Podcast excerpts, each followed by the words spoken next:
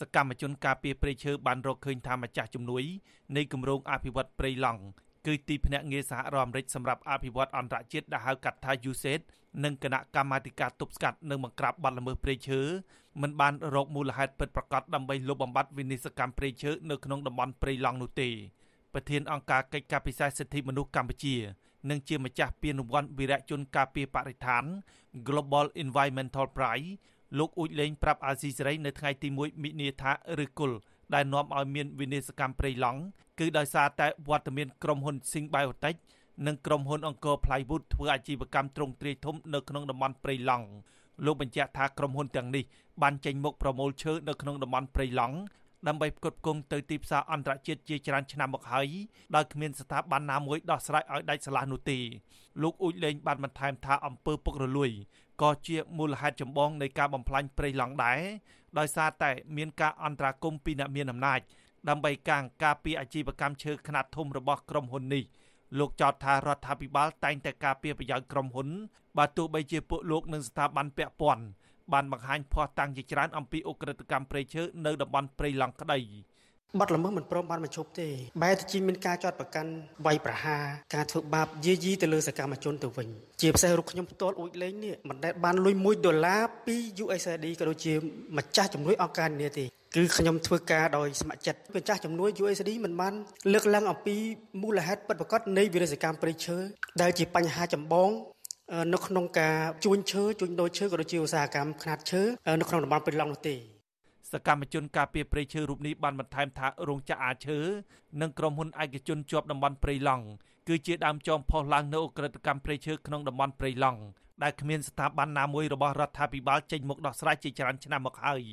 លោកបញ្ជាក់ថាប្រសិនបើរដ្ឋាភិបាលនិងស្ថាប័នពាក់ព័ន្ធបិទក្រុមហ៊ុនឯកជនទាំងនោះការចាប់ប្រកាន់ទាំងឡាយពីបទល្មើសព្រៃឈើនឹងត្រូវបញ្ចប់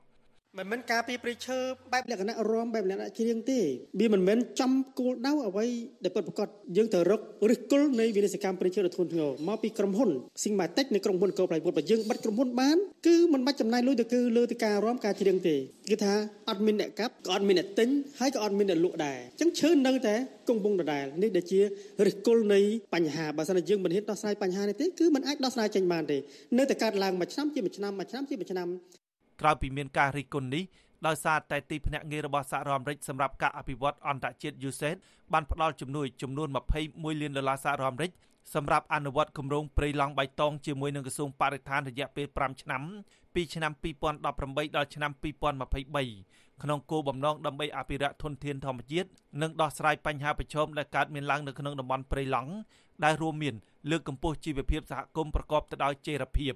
ទោះជាយ៉ាងណាក៏ដោយសកម្មជនព្រៃឈើមើលឃើញថាបាត់ល្មើសធនធានធម្មជាតិនៅតំបន់ព្រៃឡង់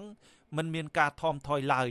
ដោយសារតែការអនុវត្តគម្រោងព្រៃឡង់បៃតងគ្មានប្រសិទ្ធភាពហើយម្ចាស់ជំនួយដ៏ធំមួយនេះហាក់មិនសូវរិះគន់និងដាក់សម្ពាធទៅលើរដ្ឋាភិបាលអាស៊ីសេរីបានព្យាយាមតាក់ទងសូមការបំភ្លឺរឿងនេះពីមន្ត្រីអង្គការ USAID តាមរយៈទូរស័ព្ទនិង Page Facebook ជាផ្លូវការរបស់អង្គការនេះក៏ប៉ុន្តែទូរស័ព្ទហៅចូលជាច្រើនដងគ្មានអ្នកទទួលនៅថ្ងៃទី1ខែមិនិនា ចំណែកឯអ្នកនាំពាក្យគណៈកម្មាធិការជាតិទប់ស្កាត់និងបង្ក្រាបបទល្មើសព្រៃឈើ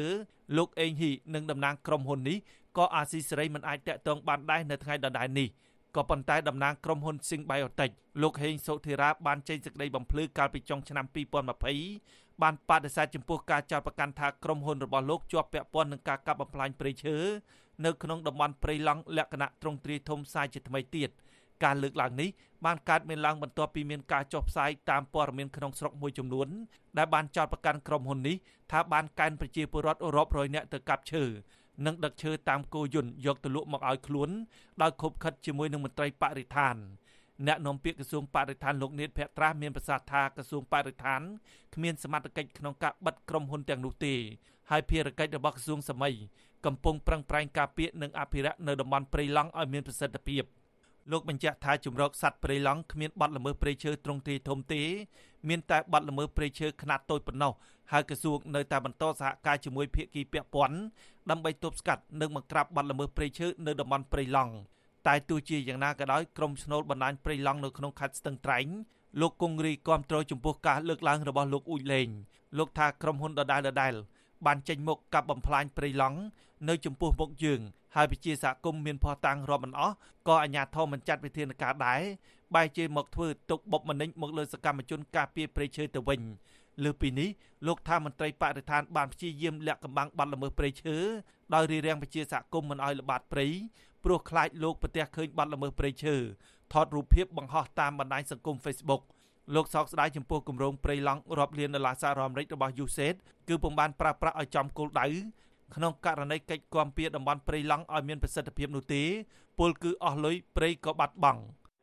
បរិស្ថានលោកចាំយកទៅលុយក៏ដើរកលឹងកលឹងកលឹងកលឹងទិញជួយតាមអូសៀមបោកតាមអីហ្នឹងអូឆ្លើយយកអីគេជួយចឹងទៅឬគាត់ឡប់មកវិញមកមកកុកចាំតាមផ្លូវរទេះគោយន្តគេហ្នឹងទៅដល់ពេលបាត់មើលចេញពីក្នុងកណ្ដាលព្រៃហ្នឹងមកអាឈើល្អល្អហ្នឹងមកដល់គប់យកលុយទៅយកលុយរួចបាត់ចេញទៅគាត់ធ្វើ việc ហ្នឹងបានទុកស្កាត់ទៅរឿងបានដល់ពេលយើងមានបញ្ហាយើងគឺមានគំនិតការគៀបសង្កត់របស់សហគមន៍យើងមិនឲ្យយើងនិយាយរបស់ពួកសហគមន៍គាត់មិនហ៊ានបាន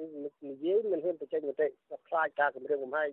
កាលពីសប្តាហ៍មុនកងរាជអាវុធហត្ថនិងកម្លាំងជំនាញមួយចំនួនទៀតបានរកឃើញរណ្ដៅជាស់ច្បោះដែលមានមុខកាត់ធំធំជិត200គល់ស្ថិតនៅក្នុងដែនជម្រកព្រៃឡង់កម្លាំងកងរាជអាវុធហត្ថបានរកឃើញថាបាត់ល្មើសព្រៃឈើទាំងនេះនៅក្នុងតំបន់ព្រៃឡង់ក្នុងខេត្តស្ទឹងត្រែងកចេះព្រះវិហារនិងខេត្តកំពង់ធំមន្ត្រីជាន់ខ្ពស់ក្រសួងបរិស្ថានបដិសេធមិនបានបកស្រាយចំពោះការរកឃើញបាត់ល្មើសព្រៃឈើនៅក្នុងតំបន់ព្រៃឡង់របស់គណៈកម្មាធិការជាតិនេះទេ អង្គការជាតិនិងអន្តរជាតិបានរកឃើញថានៅក្នុងរយៈពេល20ឆ្នាំចុងក្រោយនេះទំហំព្រៃឡង់ប្រមាណជាង1សែនហិកតាស្មើនឹង24%ត្រូវបានបាត់បង់ក្លាយទៅជាវាលរហោឋាន បន្ថែមលើពីនេះទៀតគិតត្រឹមឆ្នាំ2019ទំហំព្រៃឡង់ប្រមាណ760,000ហិកតាត្រូវបានបំផ្លាញទៅជាដីចម្ការដំណាំហើយមានតែផ្ទៃដីជាង1000ហិកតាប៉ុណ្ណោះត្រូវបានដាំដុះជាកូនឈើឡើងវិញខ្ញុំបាទហេងរស្មី អាស៊ីសេរីពីរដ្ឋធានី Washington